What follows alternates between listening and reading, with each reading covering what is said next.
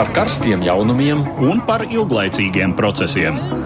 Par idejām, par cilvēkiem, par naudu un par laiku. Par abām mūsu planētas puslodēm, un lietojot abas smadzeņu puslodes. Ēterā raidījums divas puslodes. Klāta raidījums divas puslodes, un šoreiz studijā ir nevis Aidis Tomsons, bet Edvards Liniņš un Māra Jansone, kā parasti, un runāsim par aktuālo pasaulē.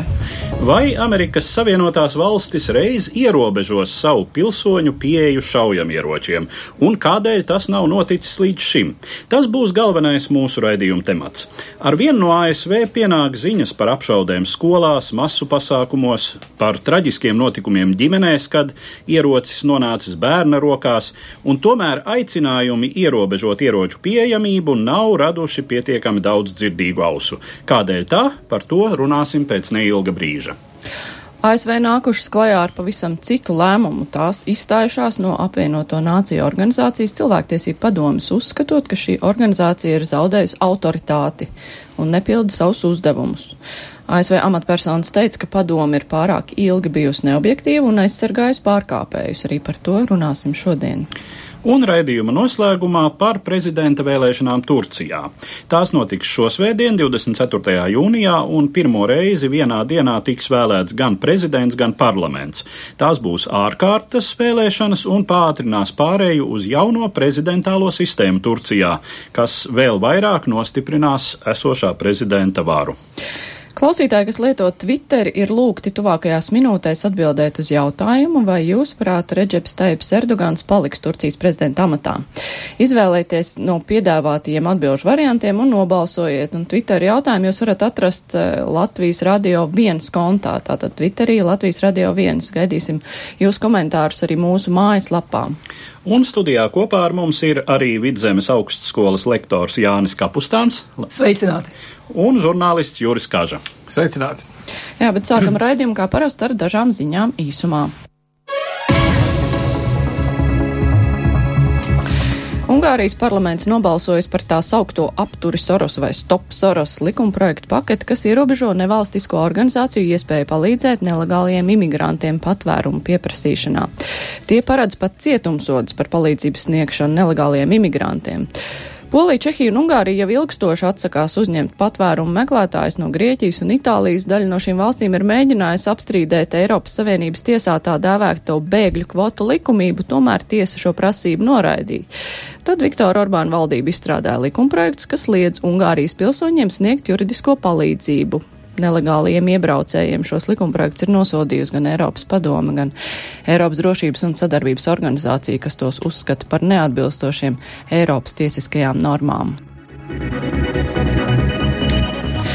ASV prezidents Donalds Trumps sola apturēt nelegālo imigrantu bērnu nošķiršanu no vecākiem. Viņš drīzumā parakstīšot attiecīgu rīkojumu arī ASV pārstāvu palātu šodien balsos par likumprojektu, kam jānovērš ģimeņu šķiršana. Savienotajās valstīs notika protesti pret prezidenta Donalda Trumpa administrācijas īstenoto agresīvo imigrācijas politiku. Kopš aprīļa no vecākiem nošķirt aptuveni 2000 bērnu. Arī ASV pirmā lēdija Melānija Trumpa ir paudusi sašutumu par šādu rīcību, un tā ir viena no retajām reizēm, kad viņa pauž viedokli tik būtiskā jautājumā. Bijusī Ukrainas valdības vadītāja Julija Timošenko paziņojusi, ka piedalīsies nākamgad gaidāmajās Ukrainas prezidenta vēlēšanās. Viņa sola uzvaras gadījumā sarīkot referendumu par jaunu Ukrainas konstitūciju, kas nodrošinātu varas demonopolizāciju.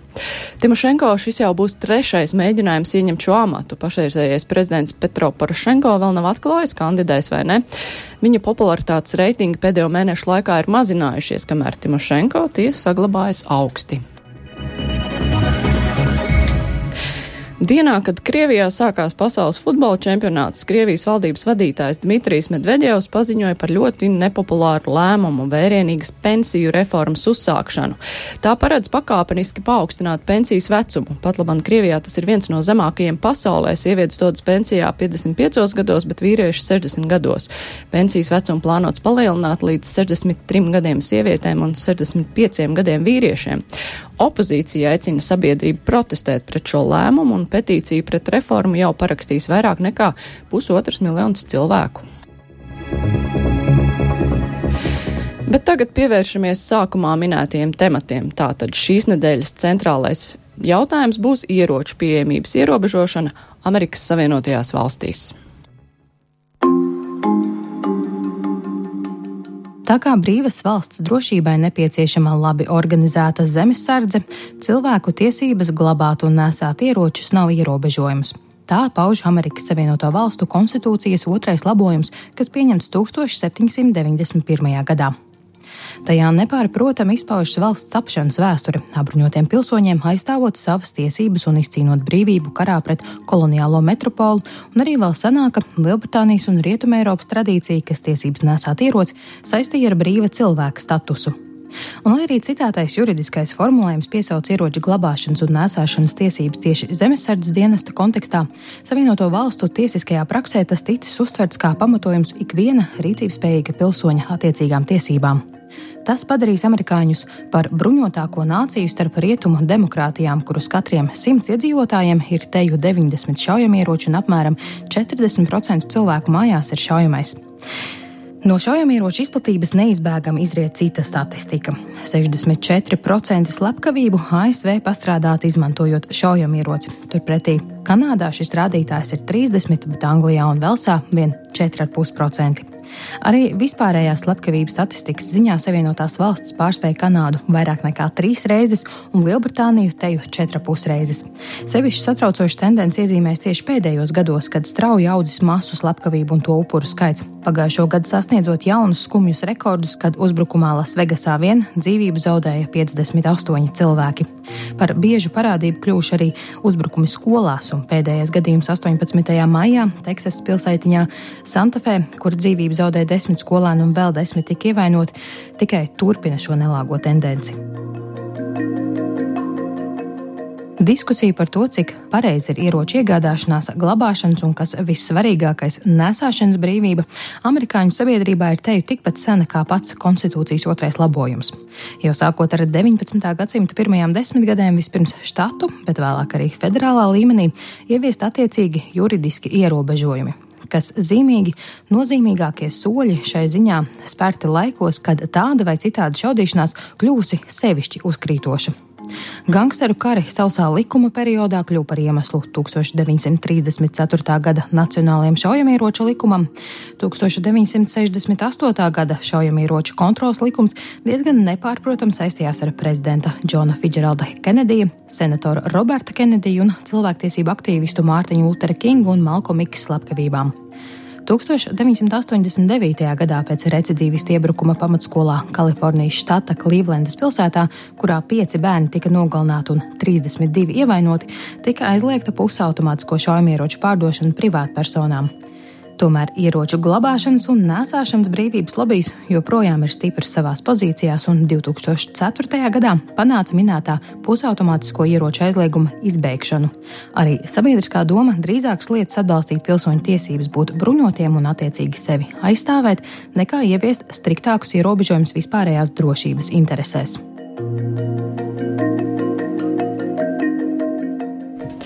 Atgādinu, ka kopā ar mums ir arī Vidzemes augstskolas lektors Jānis Kapustāns un žurnālists Juris Kāža, protams, arī Edvards Liniņš, bet mēs sarunu joprojām nesāksim, jo mums ir vēl viens ieraksts saruna ar žurnālistu Kārli Streipu. Un par to mēs veicājām, kā viņš jūtas, izdzirdot par kārtējo šaudīšanos kādā no uh, publiskiem pasākumiem, bet šo sarunu vadīs nevis es, bet mūsu kolēģi Ieva Valēna. Klausamies ierakstu. Uh, es jūtos nikns, es jūtos uh, skumjš, un es jūtos pārliecināts, ka Amerikā attiecībā uz šaujamieročiem pat laban ir sabiedriska psihoze. Jo politiku pārvalda uh, tie, kuri uzskata, ka Amerikas konstitūcija cilvēkiem dod tiesības pie sevis turēt absolūti jebkādus ieročus, absolūti jebkādos daudzumos, absolūti jebkādos apstākļos. Uh, Es nevaru iedomāties nevienu valsti Eiropā vai vispār pasaulē, kura ļautu civiliedzīvotājiem pirkt militāra līmeņa ieročus. Tas vienkārši nav, nav loģiski. Tādi ir vajadzīgi bruņotajiem spēkiem, bet cilvēkam, kurš dzīvo kaut kur laukos, priekš kam viņam ir vajadzīga tāda, tāda spēka šautene. Ne jau lai medītu aitas stirnas vai ne, vai, un, un ne jau lai sargātu savu māju. Uh, tur pietiek ar, ar kaut ko krietni mazāku un pieticīgāku. Bet uh, kamēr tas tā būs un kamēr politiķi attiecībā uz katru no šiem gadījumiem teiks, ai, mēs sūtam savas lūkšanas un savas pārdomas un tā tālāk, un neko nedarīs, lai, piemēram, uh, pirms cilvēks var pirkt šauteni, likt uh, viņam iziet cauri pārbaudē, kā tas ir ļoti bija daudz Eiropas valstīs. Aizliegt zināmu kategoriju ieroču privātu īpašumu kā šķieru. Daudz vairāk darīt, lai pārbaudītu cilvēku pirms viņam viņam tiek dotas tiesības uh, vispār pirkt šauteni, jo uh, konkrēta lieta ir, ka viens no, vien, viens no pašiem pirmajiem darbiņiem, reiz Trumps stājās amatā, uh, bija atteikties no noteikuma, kur, kur ieviesa Baraks Obama, ka cilvēki, kuri ir pierādīti garīgi neveseli, nedrīkst pirkt šaujamieročus. Konkrēti prezidents un republikāņu kongresā atcēla šo noteikumu, lai garīgi neveseli cilvēki tagad varētu pirkt šaujamieročus. Un tur, protams, ir jautājums, kas gan varētu sajiet dēlī, kas varētu sajiet greizi šādā situācijā. Par uh, to pieeju, cik vispār vienkārši ir uh, iegādāties ieroci. Uh, Amerikā mēs dažreiz Eiropā redzam uh, memes, kur bezmaz vai uh, lielveikalā ir ieroču nodaļa, cik ļoti uh, šādi stereotipi par ASV atbilst patiesībai. Atbilst, pilnīgi atbilst patiesībai. Kopš lielajiem slaktiņiem Lasvegasā un, un Floridā atsevišķas veikalu ķēdes ir izņēmušas no apgrozības militāra rakstura ieročus un konkrēti tā dēvētos bumpstokus, kurus var uzlikt uz parastas šautenes un būtībā to padarīt par automātu kas, kas šauj daudz, daudz, daudz, daudz, daudz, daudz ātrāk ar lielāku ložu skaitu, kā tas bija Las Vegas gadījumā. Bet uh, nav, nav tikai lielveikali, ir arī uh, gada tirgi kur, kur ieroču aprite ir gandrīz pilnībā nekontrolēta. Ir, uh, ir, ir tiešām šī pārliecība, ka, ka jebkuram cilvēkam ir tiesības sev pirkt, pirkt šauteni. Un te ir, te ir arī cilvēki, kuri ir labticīgi attiecībā uz šo jautājumu. Viņi saka, nu man, es dzīvoju apstākļos, kur man ir vajadzīgs šaujamierocis, lai pasargātu savu ģimeni. Bet fakts ir tāds, ka, ka gandrīz uh, bez izņēmuma, kas notiek tādos gadījumos, ja mājā ir šauteni, ir, ka kāds ģimenes loceklis nošauja kādu citu ģimenes locekli. Tajā skaitā ļoti bieži tie bērni, kur ieraug šauteni, domā, ka tā ir rotaļlieta un nošauja paši sevi vai mazo māsiņu vai, vai kaut ko tam līdzīgu. Un kopumā līdz ar to uh, stereotipi attiecībā uz amerikāņiem un šautenēm ir pilnīgi absolūti patiesi. Ir, ir ņemts uh, Amerikas konstitūcijas otrais grozījums, kurā ir teikts, ka, lai aizsargātu valsti un demokrātiju, ir vajadzīga labi regulēta milicija. Un no tā ir izzīsts, ka tas nozīmē, ka jebkuram cilvēkam var būt mašīna pistola. Um, individuāls cilvēks, protams, nav milicija, bet tas, tas, ir, tas ir pie kā Amerikas sabiedrība pat labi ir nonākusi. Kā jūs vērtējat uh, ieroču lobby vispār ietekmi uz uh, politiķiem gan Baltajā namā, gan kongresā? Masīvs tas ir masīvs, masīvs, masīvs, un tas ir, tas ir ironiski, jo tā dēvētā Nacionālā šauteņu asociācija NRA patiesībā nav ar milzīgi lielu biedru skaitu, un viņa nepārstāv milzīgi lielu skaitu cilvēku, bet tā ir ļoti, ļoti, ļoti, ļoti, ļoti naudīga. Un viņa, viņa ziedo naudu ne tikai republikāņiem, bet arī demokrātiem. Un lielā mērā līdz ar to politika ir šīs organizācijas kabatā. Cita starpā ir liecības par to, ka caur šo Nacionālā šauteņa asociāciju Amerikas vēlēšanās 2016. gadā iejaucās arī Krievija. Arī ar šo organizāciju Krievijas interesēm ir bijuši pierādīti sakari. Uh, bet uh, tas, tas politiķiem vienkārši nozīmē demokrātiem, kuri kandidē uh, štatos, kur ir daudz lauku un, un, un šāda veida cilvēku, būtībā ir jāsaka, es pilnīgi atbalstu jūsu tiesības turēt šauteni. Eh, es varu būt liberālāks citos jautājumos, bet katrā gadījumā to šauteni jūs varat turēt, mašīnu pistoli varat turēt pie sevis mājās un Dievs ir jums. Un līdz ar to ir, ir būtībā vajadzīga jauna politiķa paudze un ļoti uzmundrinoši tas, kas ir noticis laikā, kopš bija slaktiņš pārplantas skolā Floridā, kur atšķirībā no citiem šādiem gadījumiem paši skolēni pateica pietiek un visu laiku kopš tam viņi ir protestējuši, viņi ir organizējuši procesus, uh, viņi ir, ir, ir zēni un meitenes, kuriem šogad jau ir vai būs 18 gadi, kas nozīmē, ka viņi var piedalīties vēlēšanās. Viņi mudina visā Amerikā jauniešus būt daudz, daudz aktīvākiem. Un līdz ar to varbūt ienāks jauna paudze, jauna paudze politikā. Um, Amerikā ir pilsētas un štati, kur ir stingrāk ierobežojumi attiecībā uz, uz šaujamieročiem. Uh, Gan drīz bez izņēmuma tās ir, ir vietas, kur ir liels, liels pārsvars demokrātu partijai, un viņiem nav jāuztraucās par to, ka, ka Nacionālā šautiņa asociācija tur kaut kā mēģinās bīdīties un tā tālāk. Bet tam ir jānotiek būtībā valstiskā līmenī, un tas nevarēs notikt, iekams nebūs demokrātu partija atguvusi vairākumu uh, uh, kongresā un senātā. Tad, kad Bills Klintons bija prezidents, uh, tika aizliegts tas, ka cilvēkam privāti īpašumā var būt militāra rakstura ieroči. Ko līdz amatā stājās Džordžs Bušs jaunākais, šis aizliegums atkal tika atcelts. Um, un līdz ar to uh, te, tur ir vajadzīga daudz lielāka kontrola federālajā līmenī un, un, un daudz pārliecinātāka attieksme attiecībā uz šiem jautājumiem. Jo internetā un sociālos tīklos es, es ļoti daudz esmu rakstījis par to, ka es varu saviem Amerikas draugiem svēti apsolīt, ka Latvijā neviens nevarētu saprast situāciju, kur var aiziet uz Rimī un nopirkt jebkādu šauteni, kur nu vēl mašīnu pistoli. Jā, tā bija saruna ar žurnālistu Kārlis Strēpu. Mums ir cits eh, žurnālists Juris Kažs studijā arī ar Amerikas pieredzi. Tur tik izskanēja psihoze. Bet nu tā nav, kā Amerikā visi gribētu ieročus. Nu, Kā nav, raksturot nav, to sabiedrības bet, daļu, kura to negrib? Eh, nu, tā sabiedrības daļa, kurā negrib tā, tādi, kuri, kuriem, kuri nav mednieki, kuri jūtās, ka viņus mājokļos var nosargāt policija vai slēdzene vai, vai kas, vai, vai viņiem kaut kur cirvis stāv. Uh, un kur ļoti labi saprot, ka eh, tādus ieročus, pa kuriem ir runa, kas ir pusautomātiski, ļoti spēcīgi, eh, tā, tādus ieročus ļoti labi jāprot lietot, un ne tikai tehniski jāprot lietot, bet ir jā, jāsaprot, kā reaģēt situācijā, kur tu esi apdraudēts. Izrādās tagad, ka dažās skolu šaušanās tās vairs, vairs nevar saskaitīt. Bet ir bijuši gadījumi, kur, kur tur ir bijuši bruņoti apsargi, bet viņi nav Viņi ir bijuši kaut kādā šautavē, un viņi ir izšāvuši tur kaut kādas divas, trīs aptveres pirms pāris nedēļām, un tagad viņi tā kā kvalificēti šaut. Viņi nav šāvuši uz cilvēkiem, viņi nav šāvuši zinot, ka viņi cilvēkus nogalinās, viņi nav šāvuši uz cilvēkiem, kurus, kurus viņiem ir šāvuši. Ja?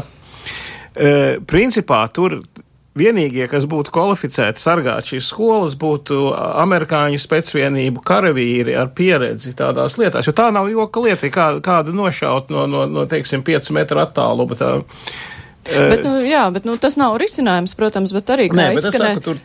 Kas, kā, kā, kas to varētu nosargāt? Lī, līmenim jā. jābūt. Jā. Jā, jo ir jau aizliegums ienest skolās ieročus. Protams, nav jau tā, ka visur Amerikā varētu ar pielādētu pistoli pastaigāties. Bet visas mugursomas nepārbauda. Bet jā. pirmkārt, visas mugursomas nepārbauda, un otrkārt tas nozīmē tikai to, ka tev vispirms ir jānošauj skolas apsargs.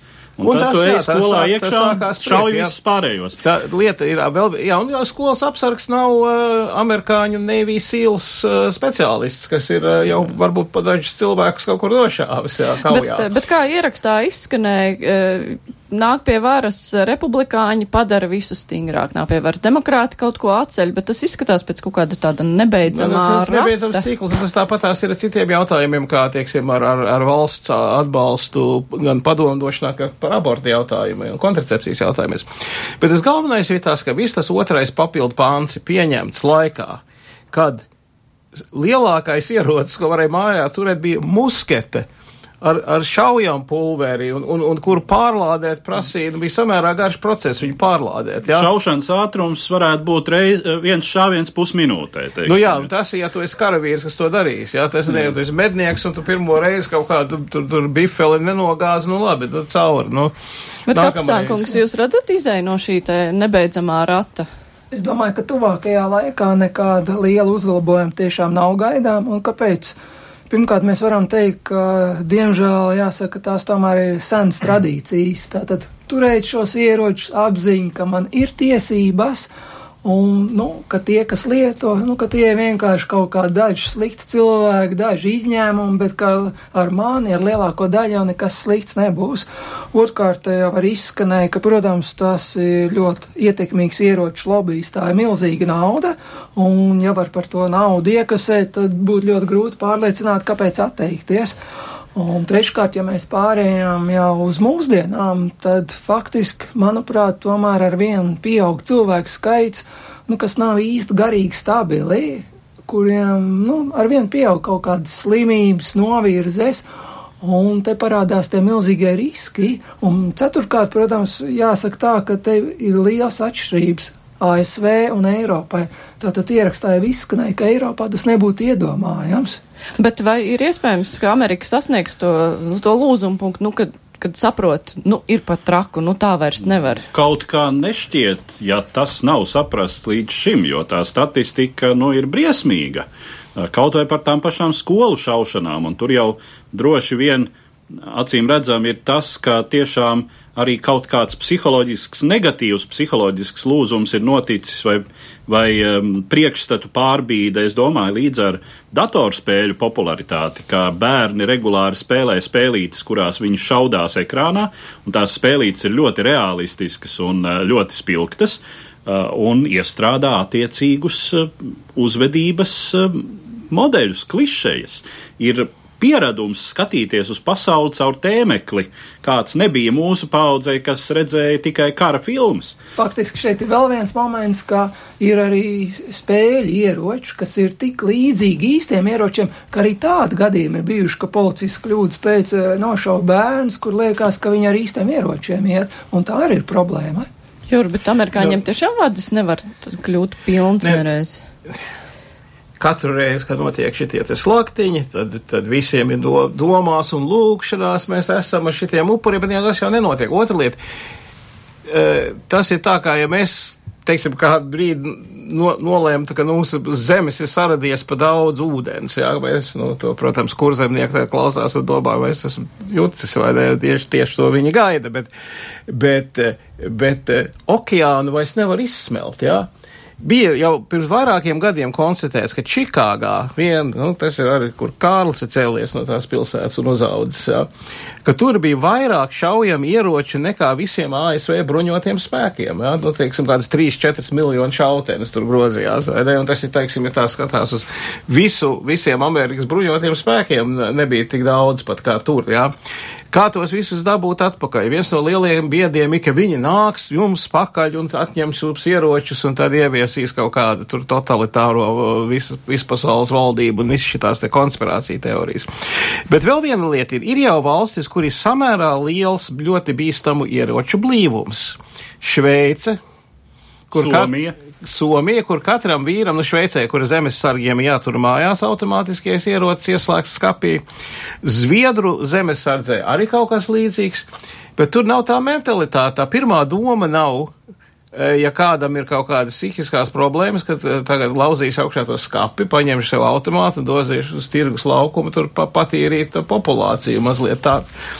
Tur, tur e, ir arī tā psihiskā problēma, un, un, un tad ir daži uzsvēruši, ka nav pietiekami daudz vērība pievērsta jauniešu depresijām, psihiskām problēmām, tos nenovēro, nu, tad mēs nāk tā problēma, mēs gribam tādu totālo vai, vai, vai pastiprinātu uz, no, uzraudzības sabiedrību, kur mēs, teiksim, cilvēks vienkārši dīvains tagad tiks kaut kur aizvest un pratinās, vai viņš negrasās, teiksim, nākamā nedēļa tur pussauks klases biedrs apkaut.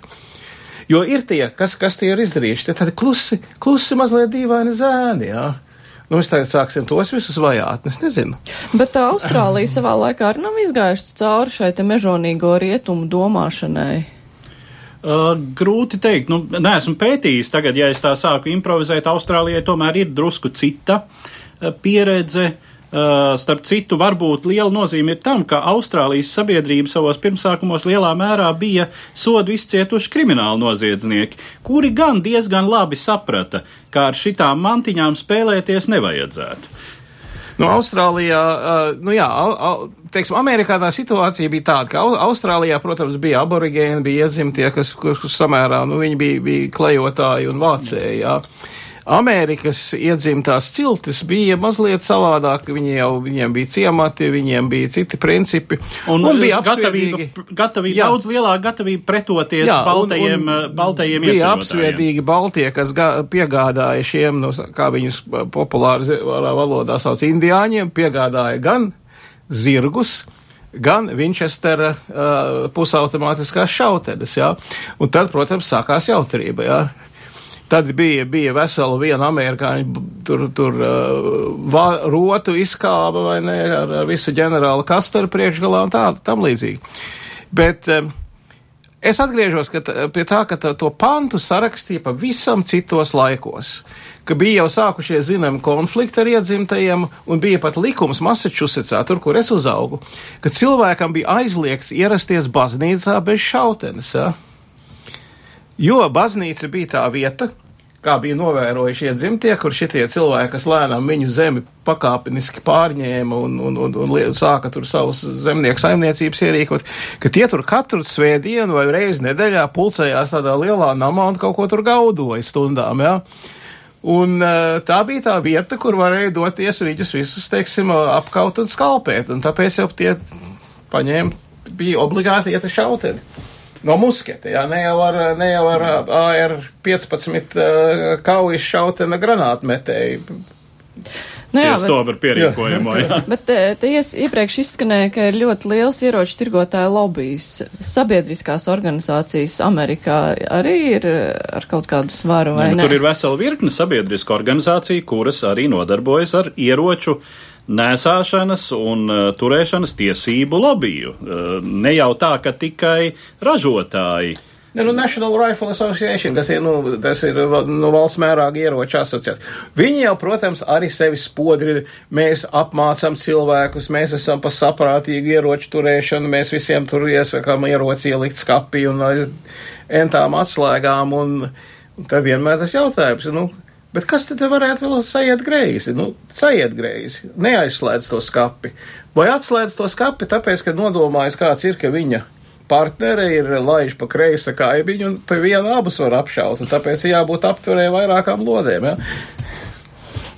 Jā, nu izskatās, ka ASV, spriežot pēc mūsu sarunas, eh, joprojām paliks savu ceļu gājēju un neizskatās, ka kaut kas varētu mainīties vismaz pārskatāmā nākotnē. Es jau gribētu teikt, ka līdzīgi ir kā mums ar Jāņu svinēšanu. Mums katru gadu ir reklāmas, nebrauc dzērumā, bet, nu, piedodiet, nu, laikam Bet jau tur to es- nevar īsti izskaust. Var samazināt, bet izskaust nevar. Nu, jā, un kā zināms, nu, starpība ir tā, ka pirms simts gadiem, eh, kad automašīnu vēl nebija, tad iesaisties eh, kunga dūšā ratos un, un uzsaukt bērītim velds bija, nebija problēma. Eh, Un tas ir apmēram tas pats, kas ar šo eh, jau pieminēto otro labojumu Savienoto valstu konstitūcijā. Pavisam citi laiki toreiz bija. Ja? Nu jā, kā Juris arī norādīja, sāk ar musketēm, Nu, kad musketēm, jā, nu, rakstīja, bet toties tagad kādus postījumus var jā, izdarīt. kā, kur, kuras pat medībām nevar lietot, jo medījums jau būs, jau, jau būs Sasauc- biesputrā sasist sašauts. Jā. Jā. Mums būs vēl viens sarunas temats, kas arī skar Amerikas Savienotās valstis. Par Savienoto valstu izstāšanos no apvienoto nāciju cilvēktiesību padomes otrdien paziņoja ASV vēstnes ANO Nikija Helija, motivējot šo soli ar padomes faktiskās darbības principiālu neatbilstību deklarētajiem mērķiem. Viņa raksturoja šo institūciju kā liekulīgu un pašmērķīgu politisko aizspriedumu izgāsto, kura faktiski ņirgājas par cilvēktiesībām. No vienas puses, šis šķiet kārtējais prezidenta Trumpa robustās diplomātijas žests, nākamais virknē pēc izstāšanās no Parīzes klimata vienošanās, kodolvienošanās ar Irānu un tirzniecības nolīgumiem. No otras puses, nav arī noliedzamas Savienoto valstu padomē pārmestās vainas. Bēdīga cilvēktiesību situācija tādās šīs padomas dalībvalstīs kā Ķīnas Tautas Republika, Kuba un Venecuēla, arī neobjektīvā attieksme pret Izrēlu.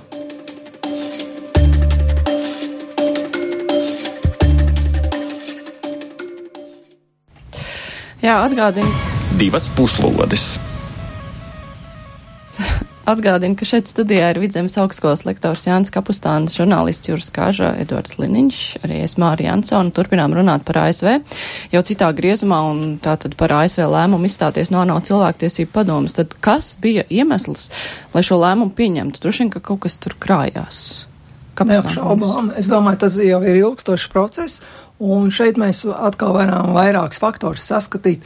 Pirmkārt, ko mēs redzam Amerikas uh, pašreizējā Trumpa administrācijas uh, politikā, ir, ka ar vienu samazinās uzsvars uz starptautiskām organizācijām. Tātad tiešām aiziešana no klimata vienošanās, tagad aiziešana no ANO cilvēktiesību padomes. Tātad Trumps vairāk tā kā mēģina lietas kārtot tādās kā valstu līderu divpusējās attiecībās un tomēr tā kā samazināt šo te starptautisko svaru. Otrkārt, nu, no vienas puses mēs varētu teikt, ka tas ir arī zināms Amerikas mājums, ja viņi pamat šādu organizāciju, jo cilvēktiesības visu 20. gadsimtu bija viens no vispār rietumu pasaules stingrākajiem argumentiem, un it īpaši jau Amerikas Savienotām valstīm ļoti spēcīgs arguments. Un tagad, ja ASV aiziet, protams, saprotam, ka šeit ir vājās vietas, nedemokrātiskās valsts, Kuba, Ķīna, Vene, Venecijāla un citas, bet tomēr tas parāda, ka, nu, amerikāņu ietekmi šajā, šādā te argumentā zūd. Bet tur tika minēts, ka šī organizācija aizstāv.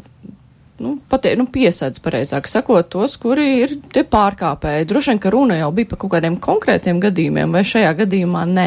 Nē, nu runa bija par to, ka bija tur entās reizes, desmit reizes vairāk no skaitli kaut kur dzirdēju ziņās šodien, ka esot uh, nosodīta Izrēle un droši vien, ka tur ne jau visos gadījumos nepelnīti. Uh, Eh, un eh, pārējās valstis, teiksim, kur arī notiek itin baisas lietas, tas ir mazāk minēts. Nu, kaut vai, teiksim, kas notiek ar, ar Mjanmā, kur, kur ir 600 tūkstoši cilvēki izdzīti uz, uz, uz blakus valsti. Uh, kas notiek, nu, ja visu ap, ap, apvienotās nācijās ko, kopumā skatāmies, diemžēl apvienotās nācijās ir liela daļa valstu, kuru uzvedība Eh, pret saviem pilsoņiem neatbilst uh, ANO cilvēktiesību hartas standartiem. Tur cilvēki kaut vai Turcija, ko mēs vēlāk runāsim, tur desmitiem tūkstoši cilvēki ir apcietināti. Nu, tad jau viss ir pareizi. Ties arī ASV tagad, nu, es jau ziņās lasīju par imigrantu bērniem. Tādu, tādu drāmu salīkot un teikt, mēs vairs nepiedalīsimies, mēs savu stipro pārliecinošo balsi nepacelsim un nepateiksim, jūs visi pārējie paskatieties paši uz sevis. Nu labi, nobalsojiet atkal kārtējo reizi, kad Izrēlai vai, vai pa šo vai to vai kur, kur, kur tur kaut kādu Palestīnu ķīnieti tur ir roku dzelžos aiznesuši un nezinu ko. Bet paskatieties, ko jūs paši dariet. Un to Amerika var teikt un var darīt, kamēr viņa sēž pie galda. Viņa nesēž pie galda, it kā tur tagad Krievija būs galvenie. Nu, Tie no īstai paraugu valsts cilvēktiesībās. Un, un vēl, vēl mums ir, manuprāt, ka mazliet ir paslīdējis garām tāds faktors, ka šeit parādās arī ASV attiecības jeb ASV politika attiecībā uz apvienoto nāciju organizāciju, jo faktiski ar ANO Amerikai, kā lielākajiem maksātājiem, jau ilgstoši ir bijušas diezgan sarežģītas attiecības. Amerikāņi ir viena no li lielākajiem maksātājiem ANO budžetā, un viņi jau ilgstoši draudējuši, ka viņi maksās daudz mazāk. Un tātad šī cilvēktiesība padome ir šīs ANO organizācijas sastāvdaļa, un tā, tas jau iezīmē šo tādu, kā zinām, aizgriešanos prom no šīs starptautiskās organizācijas. Bet te jau tika pieminēts, kurš tagad tur būs galvenais - Krievija? Nu, tas valstu komplekts, kas tur paliek, un, un jā, nu, iespējams, ka Krievija to, tas mehānisms neesmu papētījis, kā tas ir, bet, nu, ja kolēģis saka, nu jā, nu, gluži piekrītot jau iepriekš teiktajam, ka ja tu aizej no tādas organizācijas, ja Savienotās valstis tur vairs nav, nu tās zaudē šo uh, diplomātisko un arī, nu, zināmā mērā, publicitātes platformu. Tātad vietu, kur uh, šos jautājumus vispār var risināt. Un tas jau ir uh, ANO gadījumā jautājums no pašiem pirmsākumiem, jo tad, kad ANO tika veidot, tad tāpat tajā iekļāvās līdzās rietumu demokrātijām, līdzās Savienotajām valstīm, Lielbritānijai, citām otrā pasaules kara uzvarētāju valstīm, demokrātiskajām valstīm iekļāvās arī Staļiniskā padomju savienība. Un tāpat bija ar to jārēķinās, un, un šī organizācija vienmēr ir sastāvējusi no ļoti dažādām valstīm, un tur ir bijušas visas, uh, visas um, arābu džamahīrijas, un tur ir, protams, Irāna, un tur ir Sauda Arābija, kas nekad nav bijusi demokrātiska un nebūs ilgāk nekā vairums citu piesauktā valsts, es domāju. Ja? Uh, tā ka uh, tas ir jautājums par elastību un par to, kas vispār ir diplomātija. Un laiku pa laikam runājot šeit par šī brīža savienoto valstu politiku, nu, teiksim tā, visai pasaulē uzacis paceļas drusku uz augšu, skatoties uz to, kā Savienotās valstis šobrīd veido savu diplomātisko taktiku. Bet līdz ar nākamo prezidentu ASV varēs tā atgriezties? Visur un vienmēr laikam var atgriezties. Jā, jā, nu, tā, Savienotās valstis jau arī pateikušas, ka tās atgriezīsies, ja un tad, kad šī organizācija, tātad šī konkrētā padome reformēsies, ja tā reformēsies. Nu, te jau ir jāsaka tā, ka šī cilvēktiesību padome visa pārējā ANO kontekstā ir salīdzinoši jauna un varbūt ne tā nozīmīgākā struktūra. Uh, jo, un arī tad, kad tā sāka savu darbību 2006. gadā, tad Savienotās valstis pievienojās tikai pēc trīs gadu pauzes. Arī ar apmēram ar tiem pašiem argumentiem, ka tur nu nav pulcējušās tās valstis, kurām būtu pārējā pasauli jāpamāca, kā uh, īstenot cilvēktiesību politiku. Uh, un uh, līdz ar to, nu, teiksim, tradīcija, ka ar šo uh, apvienoto nāciju uh, organizācijas daļu ir, ir sarežģītas attiecības savienotām valstīm. Tā jau ir uh, veca lieta. Nu, tas, kas uh, šķiet vēl krietni dīvaināk, ir piemēram pāriešana novērotāja statusā UNESCO, kas ir apvienoto nāciju kontekstā nu viena no lielākajām, nozīmīgākajām organizācijām. Tātad kultūras, izglītības un zinātnes organiz vispasaules organizāciju un arī ar līdzīgiem argumentiem, kā tur, uh, tur arī ir, ir savienotajām valstīm. Bet ar savienotās valstis norobežojas no pārējās pasaules. Jā, lielā mērā nu, un demonstrē to, ka uh, tā ir pirmkārt pasaules problēma. Uh, nu, tā, kā, tā kā ar to degunradzīti. pat uz savas planētas. Jā, jā, cik tālu, cik tālu, nu, uh, degunradzim nav sevišķi laba redze, bet ievērojot degunradža dzīvesvaru, tā pirmkārt nav degunraža problēma. Bet partneri NATO tagad droši vien jūtas visai neumulīgi, tāpēc, ka kas sekos tur? Nu, es domāju, ka, ka visi, kuriem ir kaut kādi būtiski ārpolitiskie sakari ar ASV, Uh, vērojot Trumpa samērā haotisko un, un pamatos destruktīvo ārpolitiku, ir nor, norūpējušies, kas tu būs, ko viņš tagad sāks, kas viņam uznāks nākamnedēļ, vai ne? Katru dienu jāskatās, kas tam, tam, tam cilvēkam parādās Twitterī, jo, teiksim, tur jau netiek lietas apspriestas kaut kādā uh, padomdevēja lokā, kur netiek formulēts, kur netiek izlasīta kaut kāda. Trumps jau vispār tikai skatās televīziju un, un, un, un, un uh, CNN, Foxu, Foxu un varbūt CNN, lai viņus varētu vēlāk gānīt, jā. Ja? Uh, un uh, tur nav, netiek prezentēti kaut kādi padomdevēji viedokļi vai pētījumi, kā tu parasti veido politiku tā un, un, un apskatās un sver. Vienkārši Trumps noskatās Foxu, Trumps paklausās šo vai to, un viņš piesēžās pie Twitter un.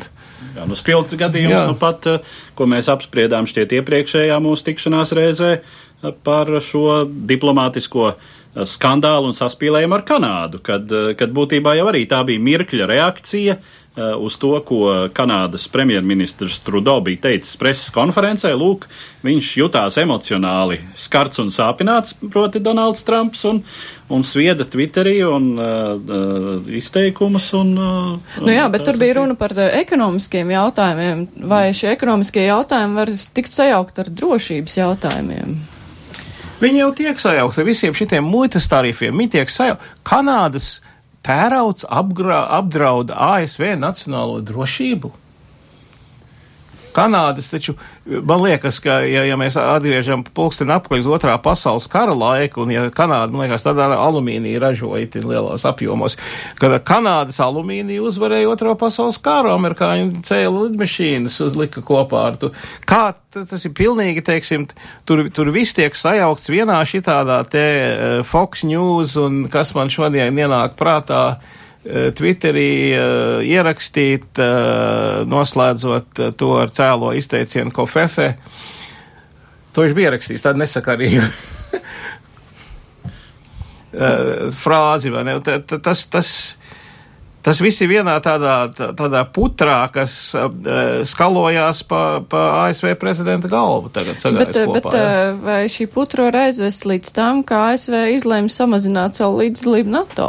Tīri naudiskā izteiksmē. No. Kapstā kungs, jūs ļoti sen neko nesat Jā. teicis. nu, teiksim tā, jācer, ka patreiz tomēr nē, Protams, ka mēs nevaram stingri paredzēt, kā viss būs, bet nu, tādās lielās drošības lietās tomēr viņam ir bijuši tie padomdevēji, nu, kas, teiksim, par spīti viņa krāšņiem, teiksim, dažādiem izteicieniem, un tomēr nav ļāvuši, teiksim, samazināt līdzdalību, un fakti parāda pretējo, ka amerikāņu klātbūtne Eiropā pēdējos gados tieši Trumpa laikā tomēr ir pieaugusi. Tā kā, nu, es būšu uzmanīgs, teiksim, kaut ko prognozēt par vairākiem gadiem uz priekšu, bet pagaidām Cik tomēr vairāk, bet pagaidām tomēr varētu teikt, ka nē, ka tomēr NATO, un atkal pa NATO viņš ir tik daudz sarunājis slikta, bet ar darbiem tomēr amerikāņu karavīru skaits ir pieaudzis, un partneri lūdz vēl. Tā kā es tomēr domāju, ka, nu, ja amerikāņi tiešām gribētu samazināt, tad, tad viņa ietekme mazinātos un būtībā viņi sev iešaut kājā. Tas būtu diezgan neloģiski. Nu jā, un runājot par šo, no vienas puses ir šis ekstravagantais, sauksim to tā, izteiksmes stils un uzvedība, bet nu, no otras puses nav jau tā, ka, um, kā mēs arī varam konstatēt šajā konkrētajā gadījumā, tas būtu no zila gaisa jo tas konflikts ir ar savu vēsturi un, un tā spriedze uh, starp Savienotajām valstīm un uh, citiem, dažiem citiem šīs konkrētās uh, cilvēktiesību, uh, cilvēktiesību komitejas dalībniekiem ir, ir arī sena, nu, un, un uh, vienā ziņā, protams, uh, Trumps un Savienoto valstu ārpolitika ir konsekventa. Tā šai, šai gadījumā atbalsta savu nozīmīgāko strateģisko sabiedroto uh, tuvu austrumu reģionā, proti Izraēlu.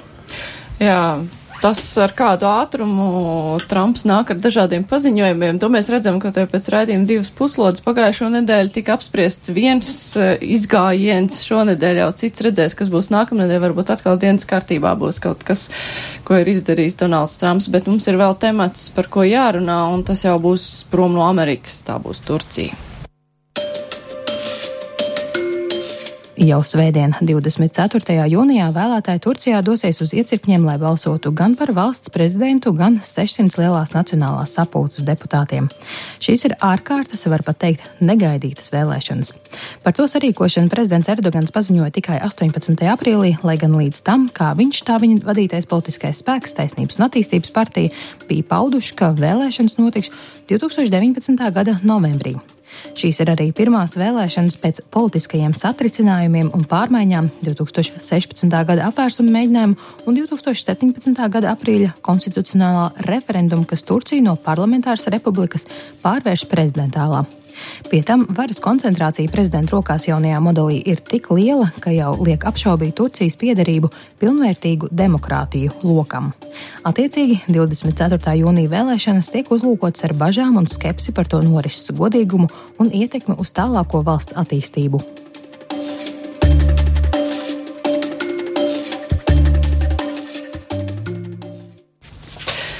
Jā, nu tad kā raksturojat kandidātus? Tur laikam nav neviens, Jā. kurš varētu Erdoganam sadot pa cepuri. Tā tad, eh, protams, kā vadošais kandidāts ir pašreizējais prezidents Erdogans. Viņām ir vislielākās izredzes un kāpēc viņš ir 16 gadus pie varas un, kas nav maz svarīgi, 90% Turcijas mēdī atbalsta tieši valdību, jeb Erdoganu. 90%. Tā kā opozīcija ļoti maz. Tie, kas nav aiz restēm. Jā. Jā. Nu, visi nav varbūt gluži aiz restēm. Un viņš arī vēl tāds diezgan konservatīvs vērtības atbalsts, kas tomēr daudziem, nu, arī joprojām ir svarīgi. Ir vēl pieci kandidāti. Un tad vismaz aptaujas uzrāda, ka pirmajā kārtā Erdoganam tomēr mazliet varētu pietrūkt uzreiz līdz uzvarai, bet es domāju, ka nešaubīsimies, ka tomēr pirmā vai otrā kārtā, nu, ka viņam nebūs problēma tikt ievēlētam par prezidentu. Un vēl jūs ierakstā izskanēja, nu, ka tagad tūlīt viss ir pilnībā autoritārisms un no demokrātijas nekas nepaliktu. Nav tik viennozīmīgi, kā tā tad pēc uh, 2017. gada aprīļa konstitucionālā referendumā, tad situācija būtu tāda, ka jaunais prezidents apvienos izpildvaru, nebūs vairāk premjerministrs, un viņš varēs izdot dažus likumus ar dekrētiem, izvēlēsies ministrus, vecākos tiesnešus, un viņam arī būs tiesības atlaist parlamentu. No tāda viedokļa, jā, bet parlaments arī var balsot izmeklēt prezidenta darbības un ierosināt impeachment, ja prezidenta atcelšanu. Tā kā, un vēl arī prognozes ir, ka Erdogana atbalstītā valdošā partija varētu nedabūt vairākumu un līdz ar to iezīmētos tāda situācija. Prezidents izdod rīkojumu, parlaments viņu bremzē. Tā kā situācija nav tik viennozīmīga. Mēs esam sazvanījuši Latvijas televīzijas žurnālisti Paulu Justoviču, kuri arī gatavojusi materiālus par vēlēšanām Turcijā. Sveika, Paula! Sveiki! Jā, es gribēju vaicāt, kāda ir nozīme turku diasporai, kas eh, nedzīvo pašā Turcijā, ļoti daudz turku Vācijā, Francijā, citās Eiropas valstīs. Kāda viņiem būs loma šajās vēlēšanās? Jā, patiesībā es nu pat divus mēnešus pavadīju Turcijā, ne Turcijā, bet Vācijā un sarunājos arī ar tur dzīvojošiem turkiem. Novēroju diezgan interesantu tendenci Turkija ārpus Turcijas atbalsta Erdoganu vairāk nekā Turki mājās. To varēja redzēt arī referenduma rezultātā, kad tika balsots par šīm izmaiņām konstitūcijā. Vairāk turku Eiropas valstīs atbalstīja šīs plašākas pilnvaras prezidentam nekā pašā Turcijā. Un uh, to uh, lielākā daļa turku, ar kuriem es sarunājos, skaidro ar to, ka liela daļa uh, tās turku diasporas, kas ir ieradušies jau sen Vācijā, piemēram, uh, darba meklējumos, viņi aizvien nav integrēti un viņiem aizvien Turcijas politika interesē vairāk nekā Vācijas politika, un arī viņi izbauda šīs eiropeiskās brīvības, un viņiem nav īsti nejausmas, kā dzīvo tie turki, kas aizvien ir Turcijā un kuru brīvības ir ierobežotas. Tā kā jā, šeit varam vērot ļoti inter interesantu tendenci. Un šai turku diasporai būs ļoti nozīmīga loma arī tajā, vai Erdogans uzvarēs vai nē. Uh, viņu balsu skaits ir tik liels, ka viņi var tā būtiski ietekmēt vēlēšanu rezultātu. Uh, šī brīža aptaujas uh, sola, ka Erdoganam pietrūks līdz vairākumam, un ja viņam jāpiedalās ir otrajā kārtā, tad visticamāk arī viņa uzvara būs uh, ar ļoti nelielu pārsvaru. Un tā kā šīs, uh, šīs, uh, šī cīņa ir tik sīva, tad arī vismazākais balsu skaits tomēr var ietekmēt. Jā, jā, paldies. Tā bija Paula Justoviča no Latvijas televīzijas. Tas kaut ko atgādina Latviju un arī citas valsts. Ja mēs runājam par vēlēšanām Krievijā, mums arī ir ļoti daudz e, Latvijas iedzīvotāju, kur atbalsta Putinu. Tātad šeit bija jautājums arī par tiem skaitļiem. Turcijā ir 59,4 miljoni vēlētāji, no kuriem 3 miljoni dzīvo ārpus Turcijas. Tā ir skaitā 1,4 miljonu vēlētāju Vācijā.